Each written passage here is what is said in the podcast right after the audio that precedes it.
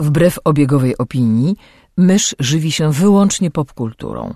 Jest zwierzęciem stadnym, które lubi dzielić się tym, co znajdzie ze światem. Jej naturalnym sposobem komunikacji jest przerywany śmiechem słowotok. Słuchacie podcastu Myszmasz.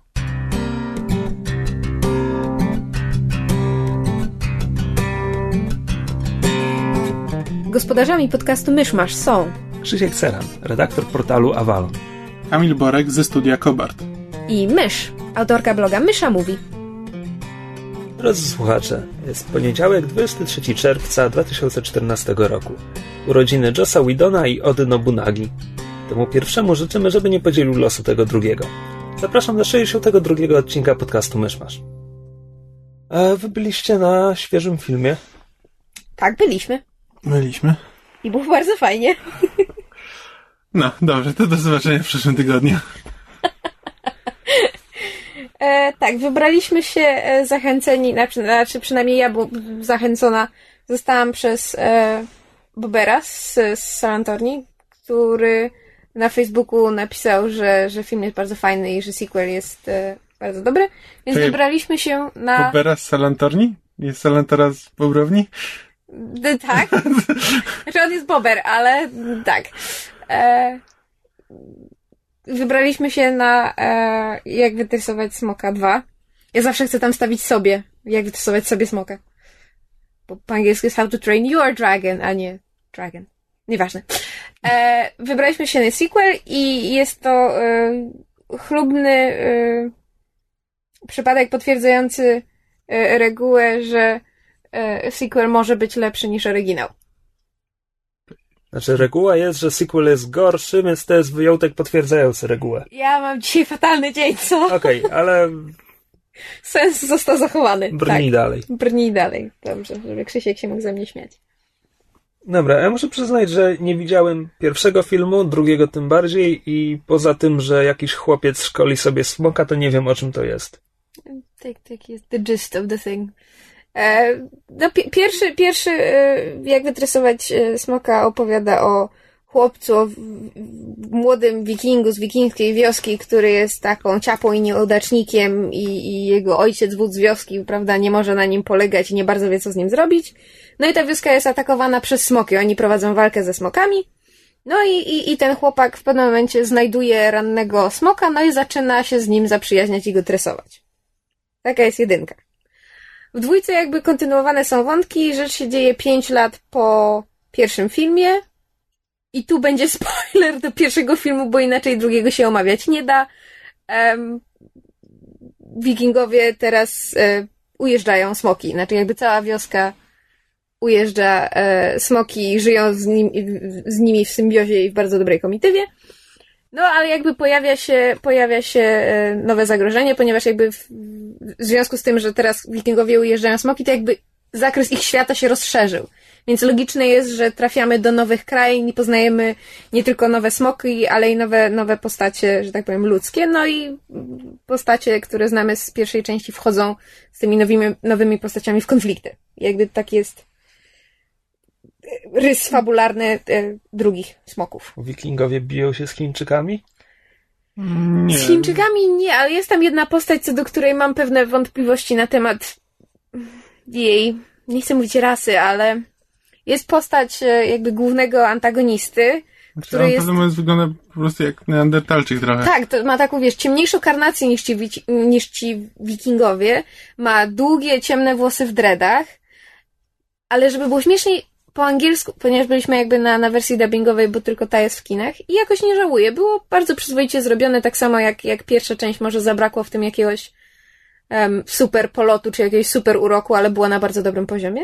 E, Natomiast w oryginale te, te postać tego tam Neandertalczyka, czy jakiej by on tam narodowości w tym, w tej filmowej krainie nie był, podkłada Jimon Honsu, czyli czarnoskóry aktor. I ja się zastanawiam, jak to wypada w oryginale. Bardzo, bardzo mnie to ciekawi, będę musiała film obejrzeć po angielsku. No bo to jednak jest jakiś tam konflikt właśnie różnych narodowości i to w filmie jest dość mocno podkreślone. To jest po prostu autentycznie tak negatywny, tak negatywna postać, że tam nie ma żadnego odkupienia. Sugerujesz, że film jest rasistowski? Nie, bo, bo, bo on nawet nie próbuje być, ale po prostu zastanawia mnie, jak to Film jest bezwiednie rasistowski. jak zastanawia mnie, jak można to odebrać, oglądając film w oryginalnym języku. No bo jednak po polsku wszystkie postacie mm, wyrażają się tak samo, z tego co pamiętam z y, kariery mm, pana Honsu, to on ma dość y, specyficzny akcent, który jakby. Nie musisz się ugać bardzo daleko pamięcią, bo jest w zwiastunie Guardians of the Galaxy. No właśnie. Um, jest bardzo dobry aktor, ja go bardzo to, lubię. Te, to ten, który pyta Starlorda, kim jest Starlord i czy powinien go znać. A, Tak. Okej. Ja go najbardziej kojarzę z filmu Wyspa, gdzie gra tego em, agenta ścigającego głównego bohatera, jeśli dobrze pamiętam. E, i, I w ogóle jakby chciałabym obejrzeć film w oryginale, bo, bo tam i, i Kate Blanchett się pojawia w, w, w jakby w, w nowej roli w, w filmie, której nie było w jedynce. I Kit Harington, czyli Jon Snow się pojawia w jakiejś tam mniejszej roli, więc na pewno warto, warto będzie obejrzeć film w, w oryginale. Ale po polsku też się warto wybrać, dlatego że ma tak fantastyczną fabułę i jest tak, jest tak moim zdaniem bezbłędnie przemyślany scenariusz i tak fajnie rozegrane emocje, że autentycznie każdy może na ten film iść bez względu na Tak, wiek tak. i, i poczuć się i wciągnięty w akcję i, i, i, i, i film zapewnia rozrywkę i daje też właśnie przeżyć jakieś emocje. Ja się w ogóle pobeczałam jak dziecko, Kamil No też też, miałem, Kamil to też mi tak, sapał tak. nad uchem. Tak, nie, jest, jest fantastycznie skonstruowany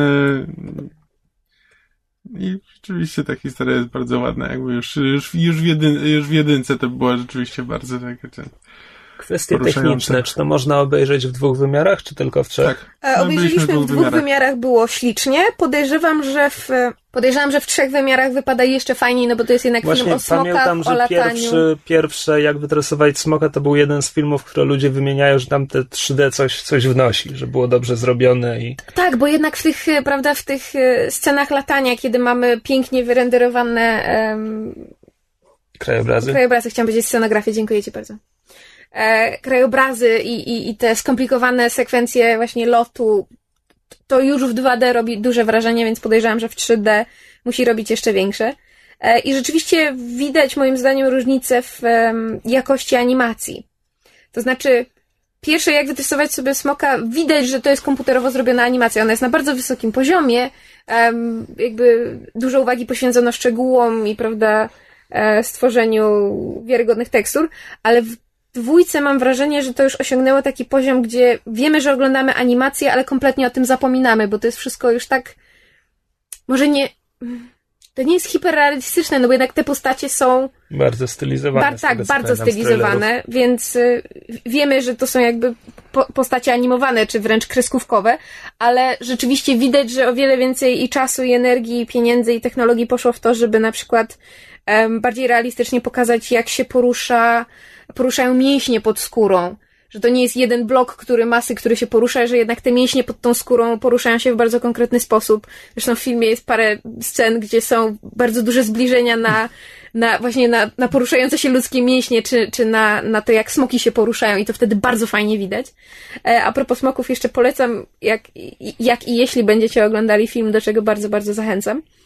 To, żeby zwrócić uwagę nie tylko na to, co się dzieje na pierwszym planie, gdzie bardzo często mamy, e, prawda, bohaterów e, e, Pierwszoplanowych. tak, pierwszoplanowych, robiących nam ekspozycję, albo po prostu rozmawiających o czymś, żeby zwracać uwagę na to, co się dzieje w tle, dlatego że tam zazwyczaj smoki ze sobą wchodzą w różne interakcje i to jest tak przecudowne do obserwowania, no bo w tym, w, w, w, jakby w serii How to Train Your Dragon smoki są to są szalenie inteligentne istoty, ale jednak mają pewne bardzo zwierzęce zachowania do tego stopnia, że jakby obserwując na przykład głównego smoka, czyli szczerbatka, ja po prostu, ja widzę kota. To jest ogromny, łuskowany kot. I po prostu tak fajnie jest pokazane właśnie to, jak te smoki też wchodzą ze sobą w interakcję. I bardzo mi się podoba, że jakby twórcy nie zapomnieli o tym, że to, że to jest też film o smokach, że jakby to, że mamy na pierwszym planie właśnie tych głównych bohaterów, którzy tam coś rozmawiają i robią, to nie znaczy, że zapominamy o smokach. One gdzieś tam zawsze w tle są. Które to jest studio? To jest DreamWorks? DreamWorks, tak.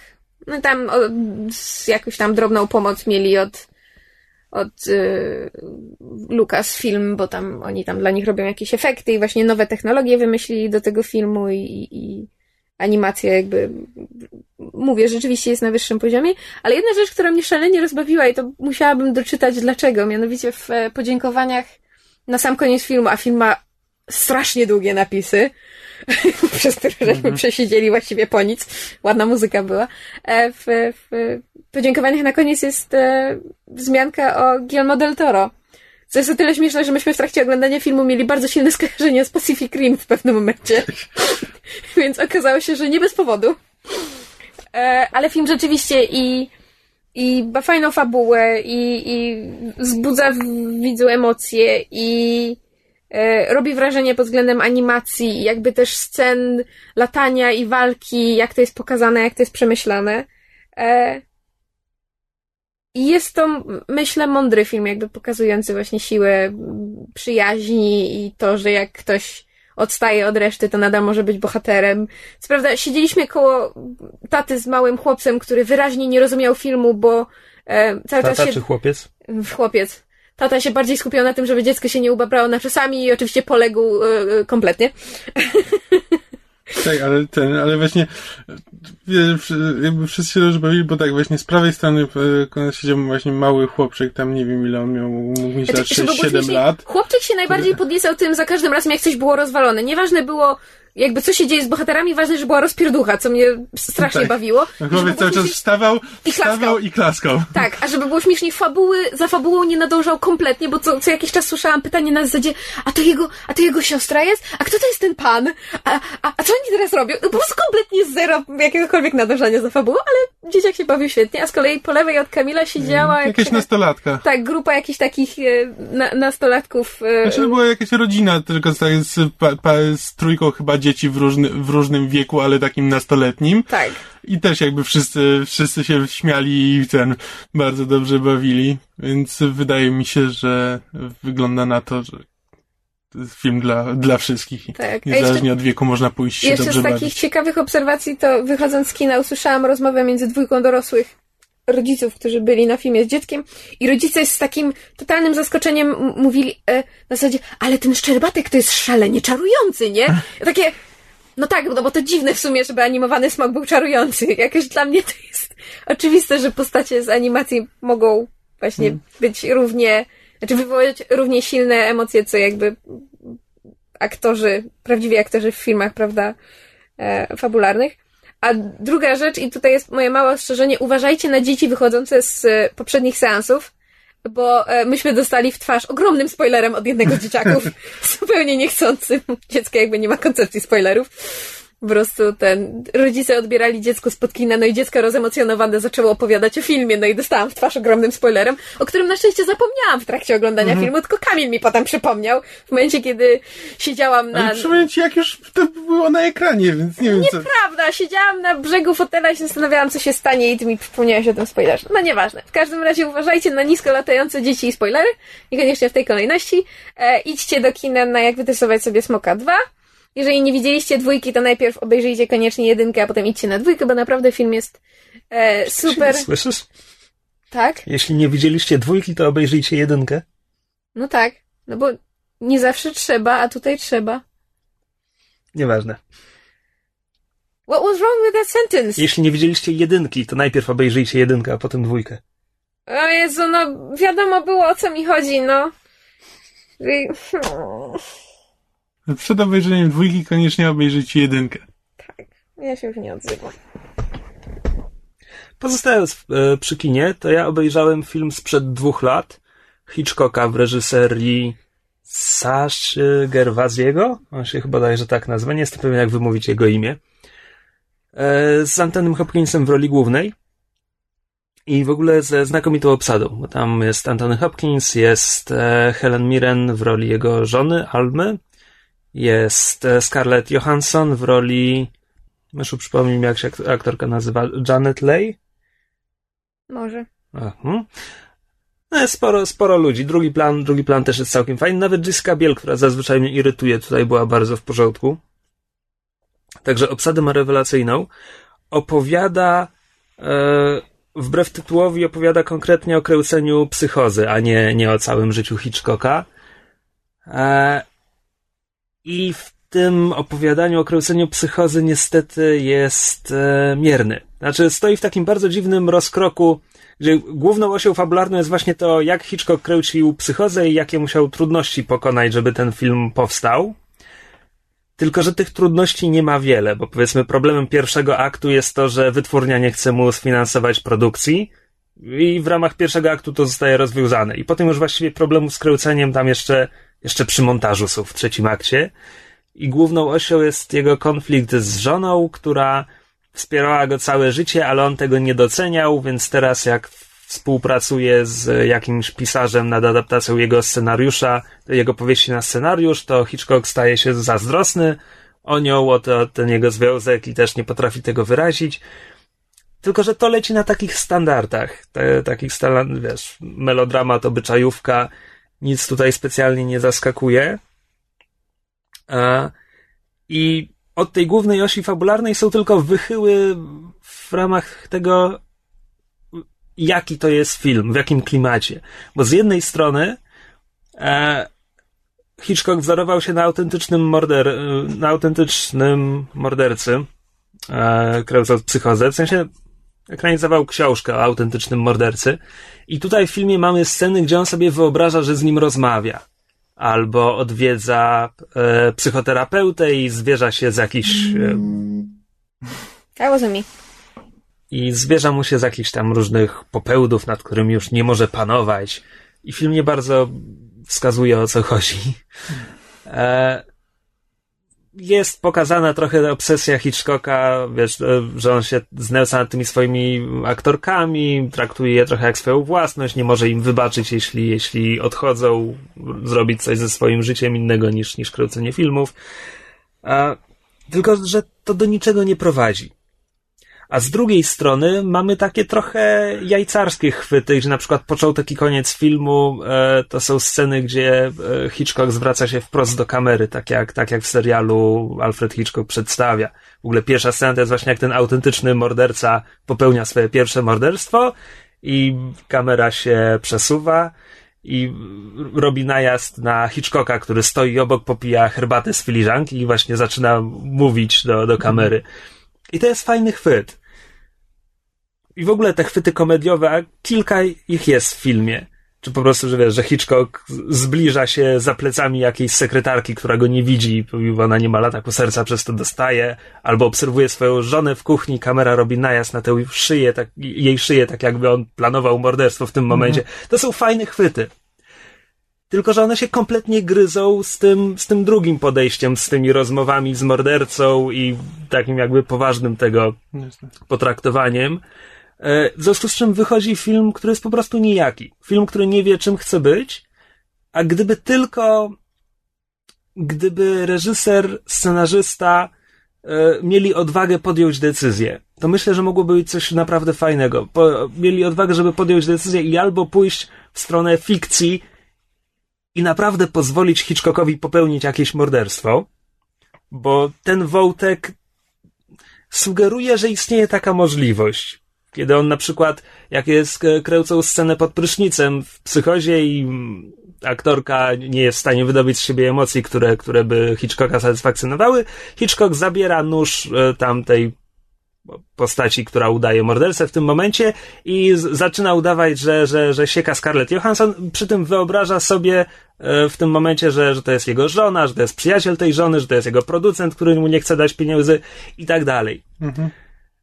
No więc albo pójść kompletnie w stronę fikcji i naprawdę pozwolić mu kogoś zamordować na, ekra e, na ekranie. Wiesz, taka historia. E, no, że tak, że kręcąc psychozę Hitchcock naprawdę kogoś zamordował i to ukrył i tak dalej. Nie, po prostu chodzi mi o to, że... To nie brzmi prawdę mówiąc jak coś, co bym chciał koniecznie oglądać. Ale wtedy ten film byłby jakiś. Dobra? A e ewentualnie w drugą stronę pójść kompletnie w stronę farsy, ponieważ te chwyty i tak mi to przypominały. Jest taki znakomity, można powiedzieć, fan film, chociaż nie ma nic wspólnego z oryginalnym tym. E, George Lucas in Love. Zakochany Lucas. To jest kilkuminutowy film o tym, jak młody George Lucas e, w trakcie szkoły filmowej pracuje nad scenariuszem Gwiezdnych Wojen i po prostu wszyscy, wszyscy z jego życia to są ludzie przypominający mhm. bohaterów Nowej Nadziei. Bardzo sympatyczny filmik, bardzo polecam. Prawdopodobnie jest gdzieś na YouTubie. Chyba, że prawnicy Lucasa się na niego rzucili. E, I ponieważ te, te komediowe zwroty w Hitchcocku są mniej więcej w tym kierunku, no to można byłoby pójść w tę stronę i cały film zrobić w taki sposób. A w tym momencie film stoi w rozkroku między jednym i drugim, ani jedno, ani drugie donikąd nie prowadzi. Są tam pewne bardzo fajne sceny, no ma fenomenalną obsadę. Jest e, drugi, trzeci plan jest James Darcy w roli Antoniego Perkinsa, czyli aktora, który grał e, mordercę w psychozie i jest niesamowity, jest po prostu kameleonem, znaczy wygląda dokładnie tak, zachowuje się dokładnie tak jak Perkins w tamtym filmie. E, więc dla obsady warto, dla kilku nieźle napisanych momentów warto. Bardzo fajny jest ostatni dialog między Hitchcockiem i jego żoną, ale cały film jest kompletnie do zapomnienia. Mhm. No szkoda. Kto teraz? Co teraz? Ja obejrzałam film dokumentalny o penisach. Dobry początek. Co dalej? Wszyscy tak mówią. E, zupełnie przez przypadek e, tam szukając informacji o jakichś nowych serialach, czy właśnie nowych filmach, które wyszły Nowych na DVD. penisach.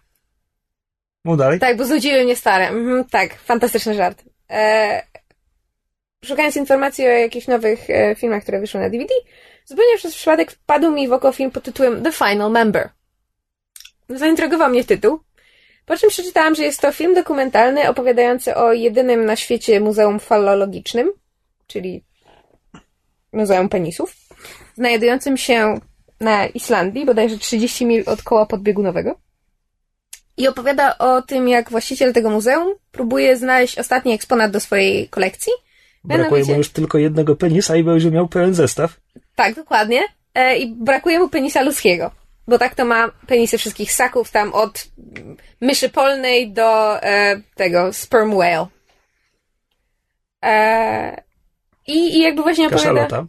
Chyba właśnie, chyba, chyba kaszalot, nigdy nie pamiętam, który, który to jest gatunek, jak to się tłumaczy. E, I, i właśnie opowiada historię e, tego właściciela, jego poszukiwań i dwóch e, panów, którzy e, schedowali swoje prawa do, do narządu rozrodczego dla tego właśnie właściciela, bo to em, W sensie, że po ich śmierci może sobie wziąć. no właśnie, myślałbyś, że po ich śmierci, a jeden z nich w pewnym momencie zmienił zdanie i stwierdził, że jemu się nie chce czekać. E, I to jest jakby cała wielka, e, e, cała, cała historia właśnie tych różnych przebojów. Fabuła, znaczy jakby to, to, o czym jest film, na tyle mnie zaintrygowało, że postanowiłam go obejrzeć. No, rzeczywiście jest to, nie da się ukryć, film dokumentalny, więc jeżeli ktoś się spodziewa jakichś wielkich twistów, czy nie wiadomo jakich e, e, dziwnych sytuacji, to może się zawieść. Ale jakby bardzo fajnie było obejrzeć ten film, bo strasznie sympatyczny jest właściciel tego muzeum, e, który jakby właśnie założył to muzeum, kiedy 30 lat temu dostał od, od znajomego w ramach żartu e, penis byka. W ramach po prostu jakiegoś tam studenckiego żartu, bo był nauczycielem w szkole, dostał, dostał właśnie penis byka i potem zaczął kolekcjonować inne e, eksponaty, najpierw w domu. I to była jakby jego taka prywatna kolekcja, on ją pokazywał znajomym, żeby ich zadziwić i zaszokować. A potem w pewnym momencie stwierdził, że założy muzeum. No i zbierał kolejne eksponaty. Jakby bardzo mi się podobało jego podejście na zasadzie, że, że on tego nigdy nie zbierał po to, żeby ludzi zaszokować, tylko on po prostu strasznie lubi ludzi informować. On jest nauczycielem z zawodu i on bardzo lubi ludzi edukować i jakby przełamywać tabu i on jest takim typem człowieka, że jak tylko jemu się coś powie, nie powinniśmy o tym mówić, to on od razu powie, no to o tym porozmawiajmy. Więc jakby cały film ma takie strasznie e, jakby właśnie podejście pod tytułem obalamy tabu, jeśli chodzi o, o, o, o męskie narządy rozrodcze i rozmawianie o nich i, i jakby to jest film tak kompletnie pozbawiony jakiejkolwiek seksualności, co jest o, o tyle właśnie ciekawe, że jakby opowiada o szalenie e, prawda, w, w społecznym pojmowaniu seksualnym organie i strasznie, strasznie sympatycznie się go oglądało. E, no, to nie jest film dokumentalny, więc nie ma jakiegoś, prawda, wielkiego finału, ale jeżeli ktoś lubi filmy dokumentalne albo stwierdził, że zainteresował go temat pod tytułem film dokumentalny o penisach, to może sobie obejrzeć. E, no, to takie dziwne filmy mysz ogląda, jak ma wolne. Przepraszam, ja się trochę zawiesiłem, bo tutaj jest zbyt wiele dowcipów, które chciałbym zrobić, ale nie ma miejsca na Spokojnie, wszystkie. internet już się wszystkie, wszystkie wykorzystał, wiem, bo czytałam fora. Tak, także przejdźmy do następnego.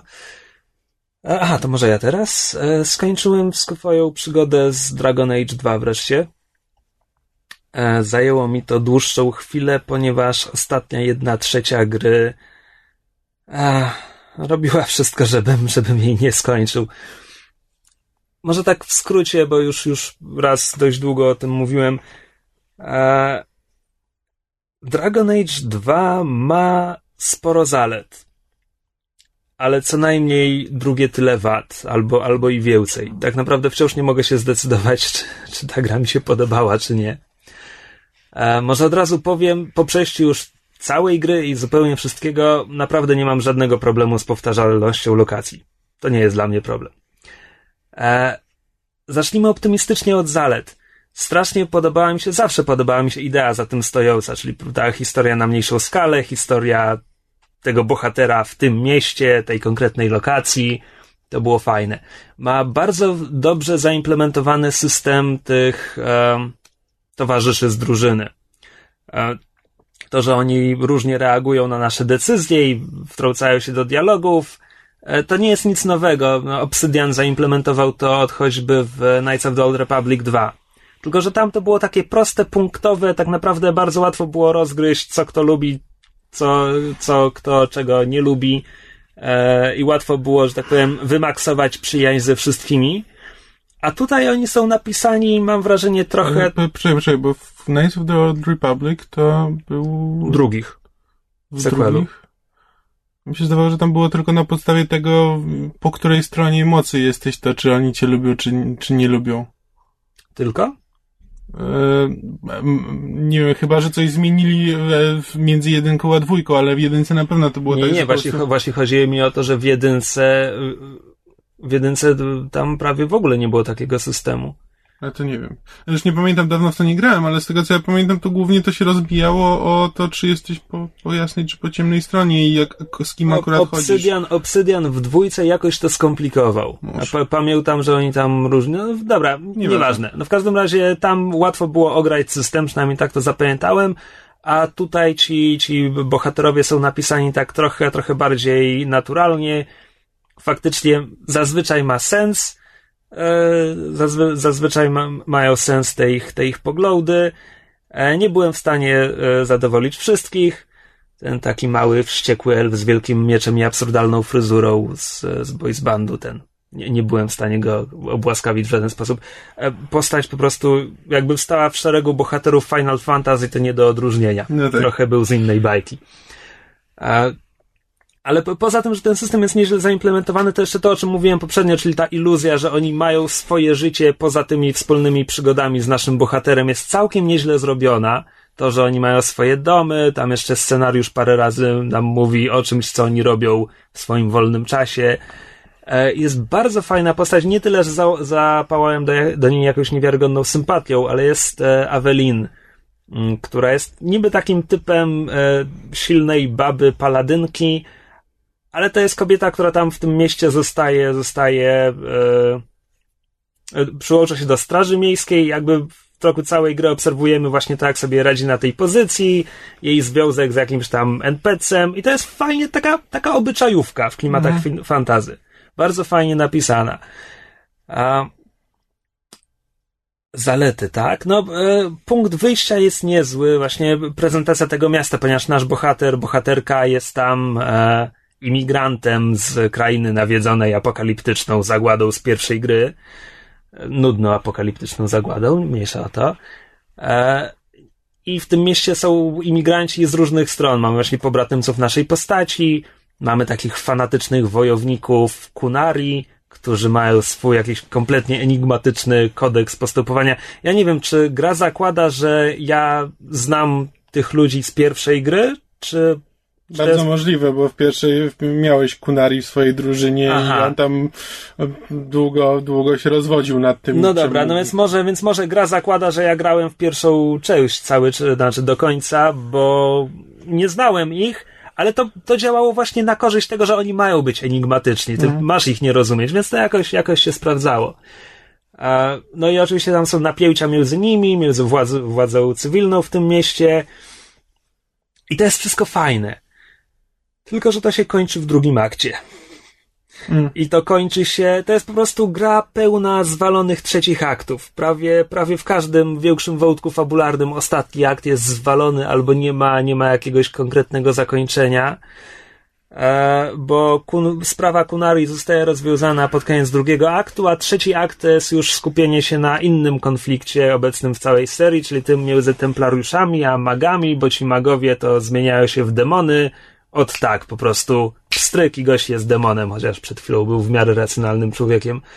E, I to mnie, to mnie nudzi. Jakby, ja już mówiłem, że Dragon Age jest nudny, to jest nudny świat. Więc zaletą Dragon Age'a dwójki jest to, że fabuła faktycznie skupia się na najciekawszych elementach tego nudnego świata. E, tylko, że sposób w jaki to robi... Hmm.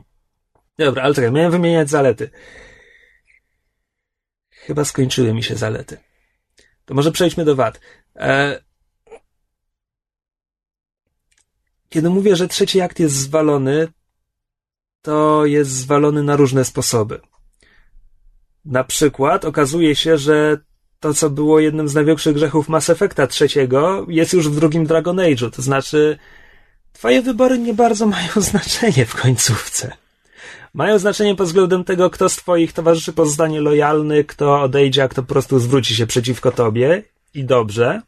Ale nieważne, e, po której stronie się opowiesz, na przykład musisz pokonać e, głównego bossa dla obu stron. Bo w finale wszyscy wariują, wszyscy szaleją, wszyscy ulegają demonicznym wpływom i to jest tak niezwykle głupie. Niektóre wątki właśnie tych towarzyszy nie mają jakiegoś konkretnego zakończenia i ja nie wiem, czy one zostały tak napisane, czy po prostu mi się nie odpaliły ze względu na bugi, które są w tej grze.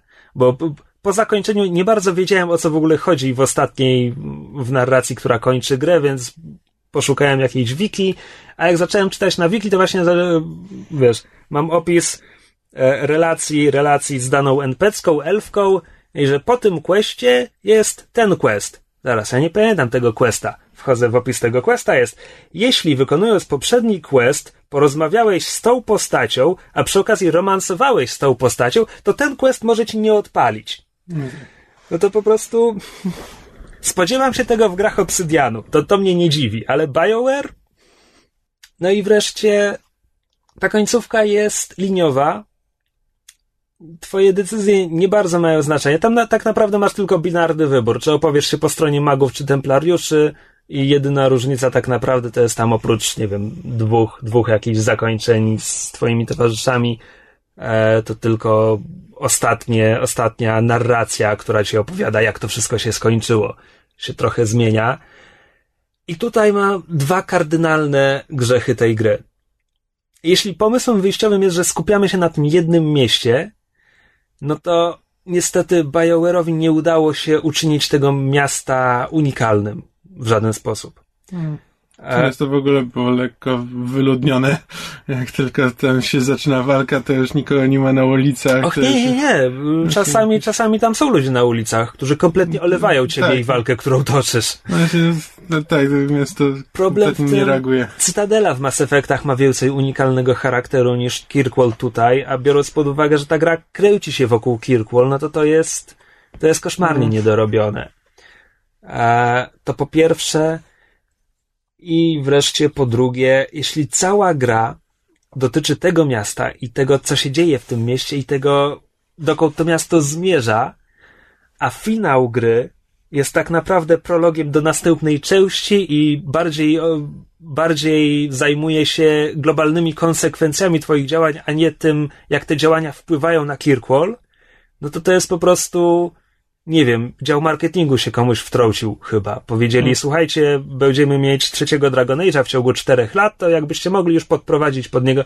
Nie wiem, co się stało, ale po prostu nie wiem, jest tak zwalony ten finał, hmm. tak kompletnie, tak naprawdę nie wiem, co się dzieje z tym miastem. Po, po tym, po wydarzeniach z tej gry, ostateczna ja narracja się, mi o tym nie mówi. Ta gra się urywa, bo oni chcieli chyba, oni chcieli chyba te Dragon Age wypuszczać tak, w takich odstępach rok, dwa lata, zrobić z tego taką franczyzę i jakby Dragon Age 2 miał chyba od razu prowadzić, podprowadzać pod trójkę, która miała wyjść w miarę szybko, tylko że ten plan w ogóle im się sypnął i przez to ta dwójka po prostu wydaje się niedokończona.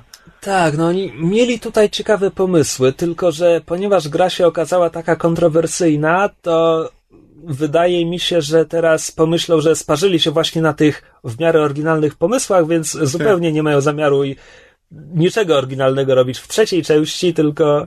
Tak, jakby z tego co ja pamiętam, jakby o produkcji tej gry, to ta gra powstawała bardzo szybko. Znaczy ona tam powstała w jakiś rok, czy coś takiego, co jakby jak na gry to jest bardzo szybki turnaround, e, bardzo szybko chcieli ją, e, chcieli ją wypuścić, a przy tym właśnie porwali się na wprowadzenie tam czegoś nowego i pozmieniali, no szczególnie biorąc pod uwagę jak się ta gra zmieniła podczas jedynki, jakby jak wygląda, jak te zmiany, to za dużo, za dużo chcieli pozmieniać na tak szybki obrót, na tak, na tak szybki cykl produkcyjny i mam wrażenie, że po prostu nie udało im się, nie udało im się ustać po lądowaniu. Znaczy kompletnie. Y, tam tam nic się dobrze nie kończy. W sensie ani fabuła. O Jezu, ta gra w ogóle kompletnie poległa jako gra. To znaczy, gameplay jest tak straszny. Właśnie, w e, dwóch trzecich gry miałem już dość. Do tego stopnia, że przestawiłem poziom trudności na casual, licząc, że dzięki temu te walki będą chociaż odrobinę szybsze. Nie łatwiejsze. Bo ja nie miałem problemu, wiesz, że wiesz, że tam mhm. trzeba się namęczyć, tylko po prostu te walki ciągną się w nieskończoność. W ogóle nie mam z nich frajdy. To było po prostu te walki były wielkim wyzwaniem, bo każda kolejna sprawiała, że ja miałem ochotę wyłączyć grę. Mhm. To było największe wyzwanie w grze. Znaczy, właśnie, pamiętam, ja sobie, tak jak opowiadałeś o Dragon Age wcześniej, to ja sobie postanowiłem e, spróbować w niego zagrać jeszcze raz, tylko że tym razem na PC, bo oryginalnie grałem w niego na Xboxie. Mówisz o jedynce czy e, dwójce? O dwójce. E, I właśnie się zdziwiłem, bo nagle się okazuje, że na PC dużo gorzej im się walczyło, ponieważ że ta gra była jakby stworzona z myślą o konsolach i tamten system jakby był trochę szybszy, jakby też nie trzeba było praktycznie pauzować, że można było spokojnie po prostu te walki prowadzić. A tutaj ja zacząłem grać, no i muszę, wiesz, muszę obracać kamerą, wybierać umiejętność, kliknąć tą umiejętnością na danego, na danego potwora yy, i zazwyczaj muszę to robić podczas aktywnej pauzy, co od razu sprawia, że każda walka jest dwa razy dłuższa yy, i właśnie nie wiem, czy to jest, czy ja po prostu źle pamiętam, czy, e, że te walki na Xboxie też były takie długie, tylko jakoś wtedy mi nie przeszkadzało, czy po prostu, czy to jest kwestia tego, że po prostu zwalili sterowanie na, e, na PC-tach? Znaczy, ja jestem świetle przekonany, że tam jedna rełka nie wiedziała, co robi druga, bo kiedy gra się ładuje, no to standardowo są tam jakieś teksty, wiesz, porady, albo jakieś tam pogłębianie wiedzy o świecie gry. Jedną z tych porad jest, że w trakcie taktycznej walki musisz zwracać uwagę na E, ustawienie swoich żołnierzy. Możesz na przykład wykorzystać wojownika, żeby zablokować wąskie przejście i zabezpieczyć swoich łuczników i czarodziei, którzy będą wtedy w tylnej linii. Okej, okay, ktoś był przekonany, że oni mają taktyczną walkę w tej grze, podczas gdy przede wszystkim większość walki tak jest w otwartym terenie i wcale nie ma wąskich przejść, mhm. które można zablokować, a poza tym można swobodnie przebiegać koło tych ludzi. Mm. Można po prostu przebiec przez przeciwników, przeciwnicy mogą po prostu przebiec przez twojego wojownika. Ten, nie, ten game, gameplay jest tak koszmarny. Mm.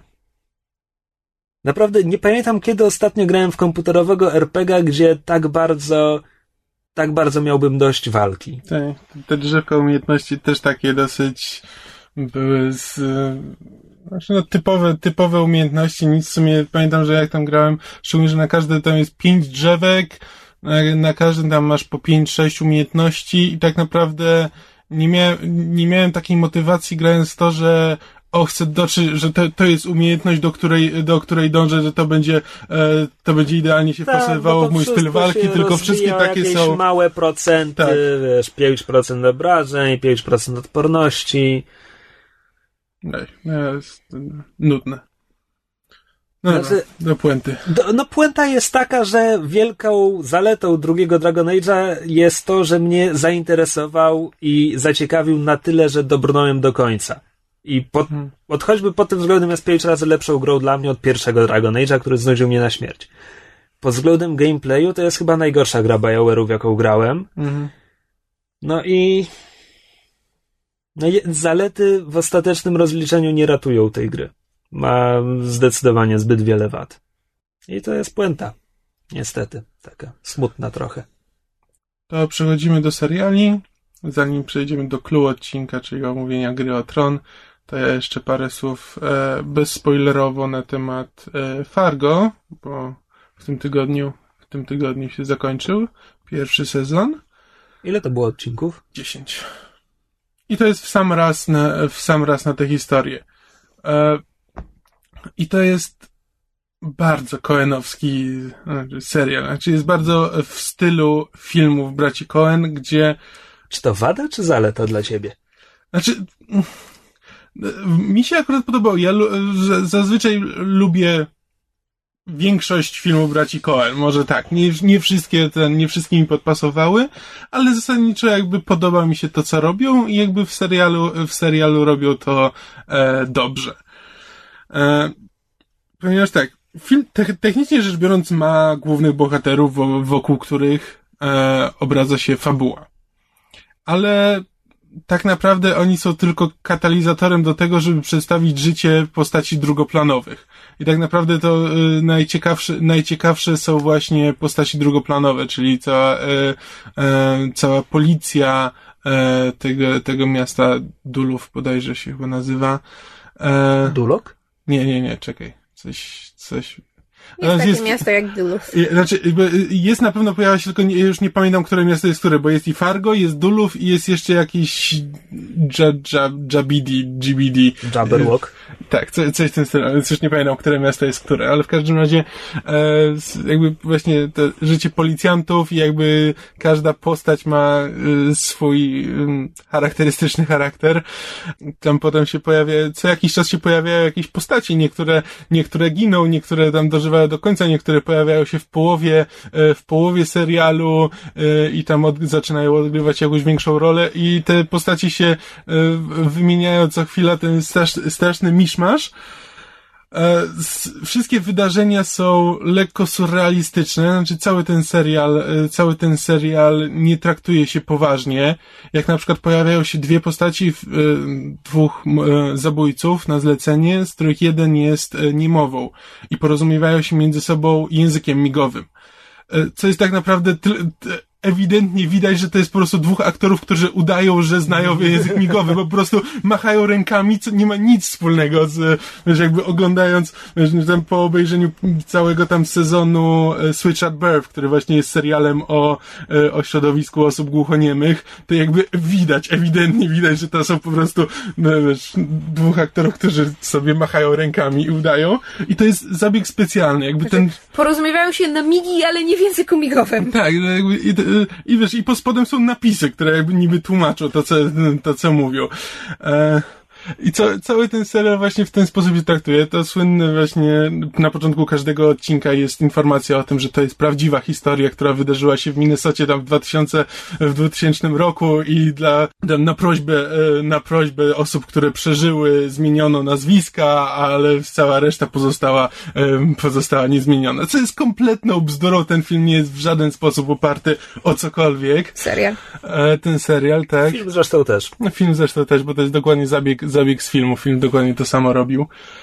E, ale i zresztą właśnie ten surrealistyczny klimat się oddaje w tym, że w, w ostatnim odcinku dwie postaci zaczynają rozmawiać o tym, a co, a co jeśli to wszystko, jeśli tak naprawdę to jest wszystko sen, tak naprawdę nie, że ten serial właśnie ma takie zabiegi, że jakby cały czas to oglądamy i wiemy, że nie oglądamy żadnej, żadnej prawdy. To nie jest prawda czasu, prawda ekranu. To jest po prostu historyjka, tak jakbyś, nie wiem, usiadł z kimś przy ognisku i zaczął po prostu na bieżąco wymyślać, e, wymyślać historię, gdzie to nie, nie wszystko trzyma się kupy, jakby, jakby zacząć w to wchodzić, to, to, to absolutnie niektóre wątki nie mają sensu, ale w ramach jakby tej e, narracji, którą stworzyli Coenowie, to jakby to nie przeszkadza, to jakby jest, e, jest spójne wewnętrznie w jakiś, e, w jakiś tam sposób. E, w dodatku jakby główne, główne postaci są bardzo nieoczywiste, bo Martin Freeman, który gra główną rolę, mm, nie jest postacią pozytywną. No i właśnie postaci, postaci poboczne też, jak mamy, mamy twardą babę policjantkę, to, to to nie jest twarda baba policjantka z, y, z, seriali, z seriali telewizyjnych, tak, y, jaką znamy, jaką znamy, jaka się zawsze pojawia w tego typu sytuacjach, gdzie ona rzeczywiście y, jednocześnie jest jest prawdziwą, jest prawdziwą kobietą z krwi i kości, gdzie z jednej strony jest policjantką i to jest jej całe życie i ona chce być jak najlepsza w tym, co robi, ale też ma swoje życie, ma, ma uczucia, ma tam wątek romantyczny, który też jest bardzo, bardzo fajnie poprowadzony. Jakby to jest taki serial obyczajowy. To jest, to jest są elementy kryminalne, ale tak naprawdę ogląda się, e, żeby poznać właśnie życie tych, tych postaci, które są, e, no, które są lekko, lekko zawsze zwariowane, ale zawsze ciekawe. Jakby pole, polecam ten serial, jakby można spokojnie obejrzeć jeden czy dwa odcinki, jeśli komuś się nie spodoba klimat, to nie spodoba mu się już do końca. Ale, ale myślę, że warto, bo jest to coś, czego się, e, czego się często nie spotyka w telewizji. Czy to będzie kontynuowane? Wiesz co, pierwszy sezon jest ewidentnie zamkniętą historią e, i nie wiem, co mają tak naprawdę zamiar zrobić dalej. E, czy mają zamiar po prostu tam część tych postaci w jakiejś nowej sytuacji, czy, czy zająć się zupełnie jakimiś innymi innymi postaciami. Nie wiem, prawdę mówiąc, jeszcze nie widziałem żadnych zapowiedzi na temat drugiego sezonu, e, ale mogą, mogą zrobić wszystko tak naprawdę. Szczególnie, że serial, serial wyrzuca jakby wszelkie zasady prowadzenia historii za okno. Tam są, wiesz, no te, te, te, to jest drobny spoiler, jeśli ktoś chce unikać wszelkich spoilerów, to niech teraz, niech teraz przeskoczy, ale e, w, w którymś odcinku, tam nie pamiętam, szóstym czy siódmym, jest po prostu roczny przeskok czasu. Nic tego nizowego. Po prostu nagle ten, tam nie to, że się nagle wątki jakieś pokończyły, tylko po prostu E, e, robią przeskok roczny i e, patrzą, co się dalej dzieje, co się dalej dzieje z tymi postaciami. I tam się zmienia, zmienia sytuacja dosyć diametralnie i praktycznie w połowie to już oglądamy trochę, trochę inny serial, ale jakby wątki, wątki pewne wracają. Intrygujące. Ale tak, ale myślę, że na pewno, na pewno warto, warto dać szansę, bo jest to, jest to coś niespotykanego w telewizji bardzo często. No to teraz, jak to ładnie określiłeś, e, clue odcinka, gwóźdź programu. Pożegnaliśmy czwarty sezon Gry o Tron. Jak on wyszedł, ten czwarty sezon? I. Troszkę chaotycznie mam wrażenie. E, co jakby, no, biorąc pod uwagę materiał źródłowy, musiało w pewnym stopniu tak wyglądać, ale no wyjść weźmiemy możemy chyba ostrzec, że będą spoilery, bo nie ma co chyba tak, udawać, że tak, to będzie tak, bezspoilerowe ale omówienie. Będziemy, będziemy przynajmniej się pilnować, żeby nie wychodzić poza serial. Tak, tak. Będziemy opowiadać o tych czterech sezonach e, i tylko, e, tylko o tym.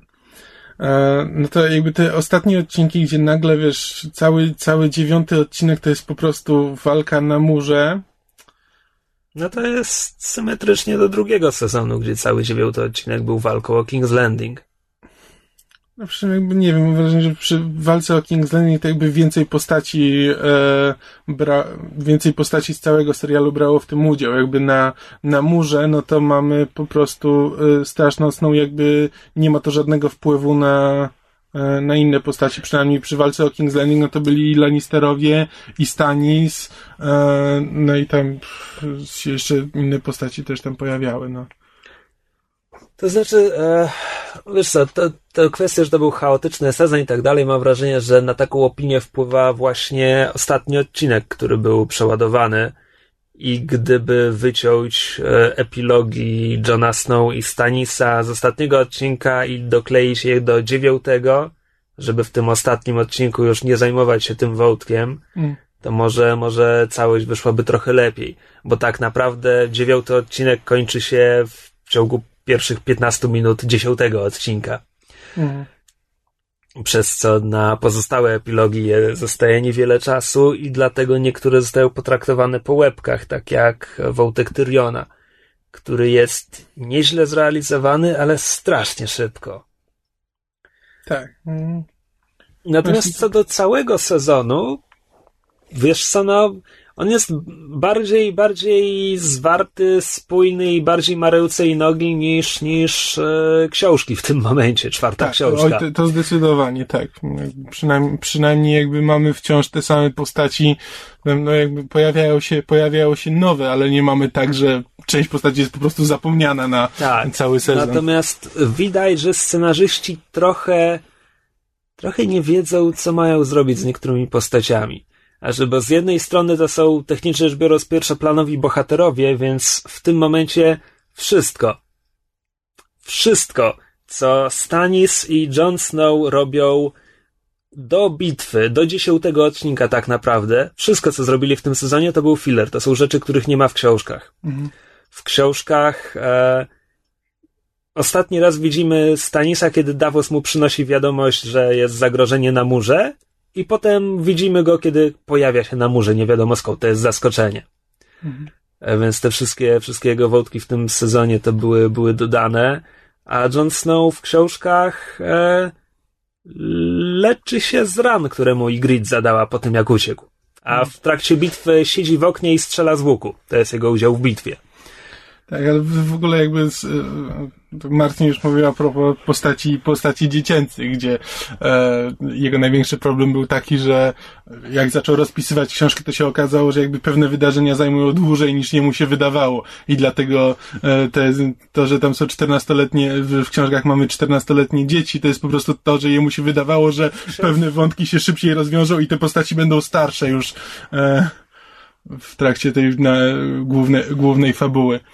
E, i właśnie te, te i, a, i chyba serial próbuje właśnie nadrobić, nadrobić te błędy, żeby właśnie nie było takich przestojów e, u niektórych postaci, które wiesz, że muszą czekać na kolejny plot point w historii innej postaci, żeby ich historia mogła się dalej ruszyć. Tak, tylko że to nie zawsze wychodzi, bo weźmy taką e, siostrę Teona Greyjoya, Jarę, ja ją wciąż nazywam Aha. Ashą, a która w tym sezonie zrobiła absolutnie nic, to znaczy wybrała się po nic i wróciła.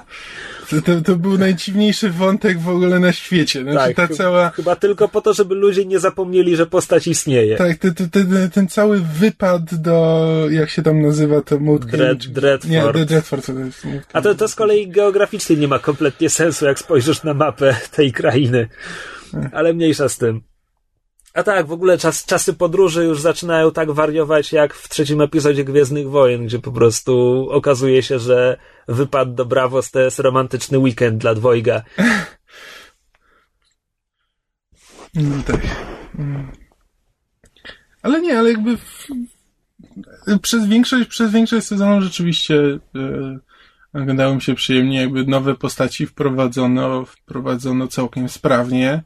Sądząc po reakcji e, internetu, wiele osób zdążyło się przyzwyczaić do Oberna Martela, także tak. to się twórcom udało. No nie tyle przyzwyczaić, co raczej przywiązać, bo to wiesz, kwestia przyzwyczajenia do samego no, tak, odcinku. Tak, po tak. prostu się z nim związali emocjonalnie. Zresztą hmm. był fantastycznie zagrany. Ja nie czytałem książek, ale też mi było smutno. No tak, był, był fantastycznie obsadzony. Zresztą. Tak, nie nawet wiem, lepiej wypadł niż w książkach, jakby ten. Ale to jest już któryś kolejny przypadek. Nie wiem, kto robi casting do gry o tron, ale to jest jakiś cudotwórca. Tam po prostu tam nie ma źle obsadzonych postaci praktycznie. To prawda. Nie, nie, nie, niesamowicie z, łatwo się przywiązać do tych postaci, gdzie w książkach to po prostu momentami bywało tak, że no, no jest postać, no i owszem, tylko że jakoś Mar Martin po prostu czasami zapomina o, zapomina o charakterach postaci, po prostu no tak, wprowadza... No ma ich sto kilkadziesiąt, tak. jakby połowa jest potraktowana po macoszemu. Mm.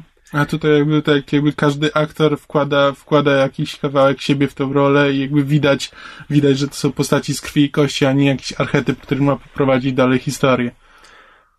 Był to kolejny sezon, którym e, zawładnął Peter Dinklage.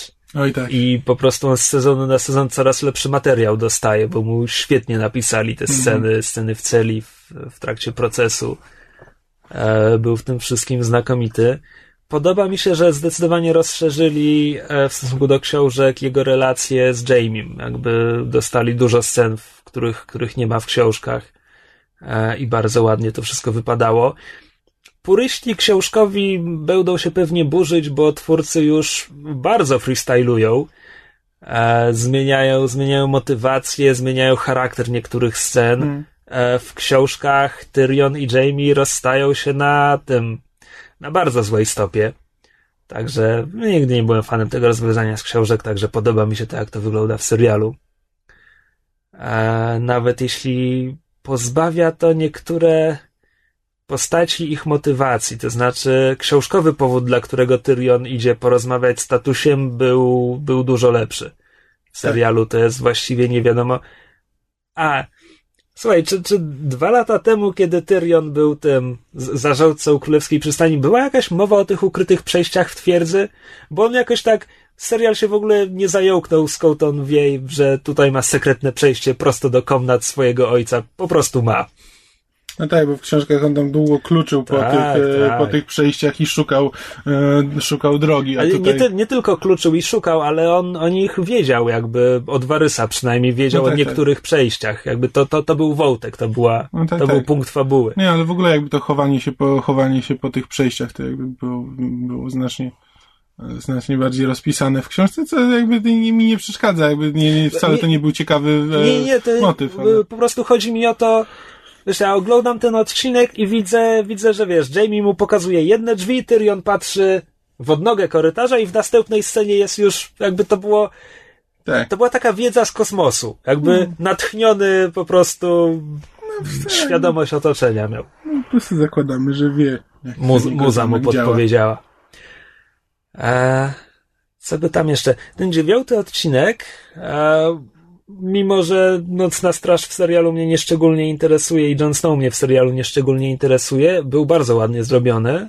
Nie, jakby pod względem kilkoma- wykonania to tam, znaczy to w ogóle poszła, poszła cała, mm, cała para w ten, e, w Tak, ten tak, odcinek. tak, ale tam jest kilka niesamowitych scen. Od takich prostych, o jej szczęka opada, jak tam strażnicy spuszczają kosę po murze. No. czego nie ma w książkach, to jest taka niespodzianka dla fanów, po takie rzeczy, które są no po prostu są w serialu po to, bo, bo, bo reżyser, operator i choreografowie i wszyscy inni chcieli się popisać, po prostu pokazać, popatrzcie co potrafimy. Tam było jedno takie Ten ujęcie, obrót, tak, 360 tak. stopni po dziedzińcu, gdzie wszyscy walczą, to jest Niesamowite. niesamowite. No, to jest No. świetnie wyglądało. Znaczy ja jedyną pretensję, jaką miałam do, w ogóle do całego tego dziewiątego odcinka, już zwłaszcza pod koniec, jak oni się tam wszyscy naparzali na dziedzińcu, to było to, że to, jak, jak na to, że to jest serial, który ma stosunkowo nieźle choreografowane walki, to tam już było takie free for all, a z drugiej strony taki brak logiki, że mnie w pewnym momencie szczęka opadła, bo z jednej strony to jest bardzo fajnie jest pokazane to, że tam jakby nikt nie jest bezpieczny. Nie ma czegoś takiego, że jest jak, jakaś postać, postać, która jakby nie zginie, po prostu każdy każdego naparza, jest, wszyscy się biją, tylko że potem jak Jon Snow klęczy przez trzy minuty w błocie, opakując swoją ukochaną, to jego już nikt nie rusza, mimo że tam za nim widać, że nadal się naparzają. Ja rozumiem, że to jest jakby pewne, pewien wymóg fabuły i postaci, ale po prostu trochę mi to zgrzytało właśnie z tym, że to było pokazane jako ta chaotyczna bitwa, w której każdy może zginąć i nagle jest takie, facet sobie klęczy po środku niemalże, znaczy gdzieś tam z boku w błocie i nikt go nie ruszy palcem. To teraz we mnie się odezwie purysta i powiem ci, w książkach tego nie ma, dlatego książki są lepsze. No dobra, ale skupiamy się tak na, na końcówce. A co tam było w pierwszej połowie sezonu? Ciekawego. Żebym ja to pamiętała. Tyrion zrobił coś zajebistego, Daenerys była wkurzająca, Cersei dużo piła wina, a ja się szwendała. There it is. Jon Snow nie wiedział nic. Joffrey w końcu zginął. Tak, o. Joffrey zginął. Widzieliście filmik, na którym w trakcie wywiadu Peter Dinklage e, zostaje zapytany, jak można by streścić grę o tron? A tak, tak. Nie pamiętam, nie pamiętam od czego zaczyna, bo tam coś pokrótce mówi coś, że średniowiecze rycerze, po czym mówi e, stabi, stabi, stabi, sexy, sexy, sexy, stabi, stabi, stabi. No, fantastycznie. Wszystko się zgadza. Tak, tam widzicie, że było, tam, było coś tam, mówi, że clever dialogue, stabi, stabi, sexy, sexy, clever dialogue. E, znaczy, no my już tam omawialiśmy jakby te... Z, parę razy parę, po drodze nam się zdarzało, tak. Więc, tak. więc tak nie ma, nie ma co się powtarzać, no nie ma sensu teraz zresztą tam wąt, znaczy... skandalu z Cersei i Jamie, który... Który, umówmy się, do niczego nie tak, doprowadził, jednak... był zrobiony bez pomysłu, bez gustu i był zły po prostu. No tak. tak, jakby nie miał nic wspólnego z tym, co się dalej działo w serialu i był szokiem dla samego szoku i w sumie odwróciło się to i ugryzło twórców w wiadome miejsce. Mm. E, tak. Mnie w sumie bardziej teraz pod względem zakończenia czwartego sezonu, ponieważ nie, nie czytałam książek, interesuje to, co się dalej będzie działo z e, Arią. Bo, znaczy jakby koleżanka, która czytała książki mi wstępnie powiedziała, co się będzie działo z Arią i jakby to jest coś, co ja przewidziałam w serialu X, prawda, naście odcinków temu, nie wiem, w, w połowie drugiego chyba sezonu, kiedy Aria była uwięziona w tym, w Harrenhal. To jakby wiedziałam, że to się tak skończy. E, ale jakby bardzo czekam na to, żeby serial pokazał, dokąd Aria płynie na tym statku i co się z nią dalej będzie działo. To jest w sumie to, co, na, na co ja mhm. najbardziej czekam. To i, i, i co się będzie działo z Dark Sansa. e, jeszcze żałuję, że jakby, bo pokazali, pokazali tych White Walkerów i te, te, ta scena z dzieckiem i White Walkerami, która jakby później, no, do niczego, do niczego no, nie prowadzi, chyba tylko po to, że wtedy scena, e, scena z ostatniego odcinka z Branem i to całe, ta cała walka z tymi szkieletami wydaje się może mniej nie na miejscu, bo gdyby, bo przynajmniej już były wcześniej zarysowane wątki high fantasy, e, których to, do tej pory nie to, było. To jak to nie było? Znaczy, no by i było, Właśnie ale... to mi się podobało, bo to miałem wrażenie, że to, wiesz, twórcy, twórcy serialu tak postanowili podejść, że aha, podo podobają wam się te wszystkie cycki i intrygi i tak dalej, ale nie zapominajcie, że to jest fantazy i my mhm. wam do gardła wepchniemy to fantazy. Mamuty, giganci, szkielety. Ładnie były zrobione te szkielety. Nie, strasznie fajnie ta scena wyglądała. To rzeczywiście... Smuteczek. Tak, to nie był hmm. dobry sezon Judgena dla... ci ubili. Judgena mi ubili, to, to no. nie był dobry se sezon dla niektórych czwartoplanowych postaci, które w książkach mają się do nie najgorzej. Lepiej niż w serialu w tym momencie. No właśnie coraz, coraz częściej zwracam uwagę na to, że te wszystkie poboczne postacie, które specjalnie sobie ukochałam, bo stwierdziłam, że e, Martin zapomni, nie zabije. Albo twórcy zapomną, twórcy serialu zapomną, nie zabiją, to coraz więcej ich ginie i tak, ale tak, na szczęście z czwartego przeczytałam... planu pożegnaliśmy Jojena, Pypa i Grena, którzy w, w tym punkcie y, uszli z życiem w książkach. No właśnie. A ja z kolei przeczytałam spoilery odnośnie mojej najulubieńszej postaci. Która jest twoją najulubieńszą postacią? Podyk. E, przeczytałam ksią- książkowe spoilery i bardzo liczę na to, że jeżeli twórcy się będą stosowali do znaczy, że, że będą w kwestii tej postaci sto, sto, stosowali się jednak do książek, a nie będą właśnie szli na taką samowolkę pod tytułem a zrobimy z nią co chcemy. Znaczy, w tym momencie Wołtek, Brian i Podrika tak daleko odbił od książek pod koniec tego sezonu, że nie mam pojęcia, co oni mają zamiar z tym mhm. zrobić. No.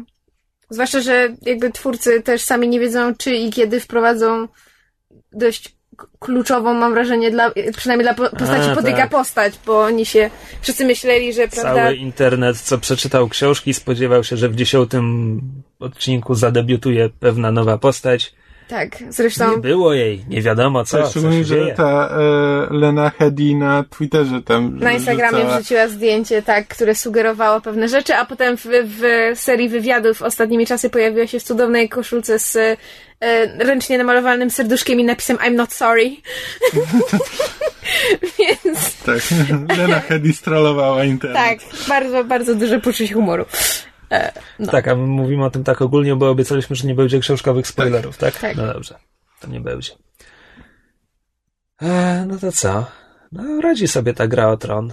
Nie, no. bardzo, to był bardzo, bardzo dobry sezon i e, przy czym e, właśnie czytałem artykuł gdzieś e, i w sumie to jest trochę martwiące, że e, ten budżet na tą grę o tronie jakby widać też w serialu, tak, pęcznie jest sezon na sezon i to y, może przyjść moment, gdzie skończy się tak jak Rzym, że po prostu w którymś momencie stwierdzą, że jeśli się okaże, że nagle spadnie oglądalność, to nie będą w stanie utrzymać tego, z, tego serialu.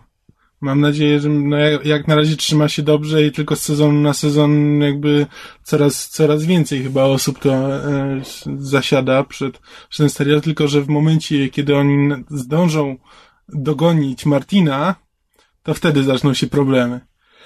Bo wciąż nie wiadomo, co, co mają zamiar z tym zrobić i znaczy tam zapowiadali, że być może, być może będzie jakiś hiatus, że będą musieli zrobić sobie przerwę i poczekać, aż Martin zdoła skończyć, a może z, zaczną ekranizować jakieś jego nowelki, ale to tak czy inaczej może właśnie się skończyć tak, że o, część osób o tym zapomni i przestanie im się to opłacać.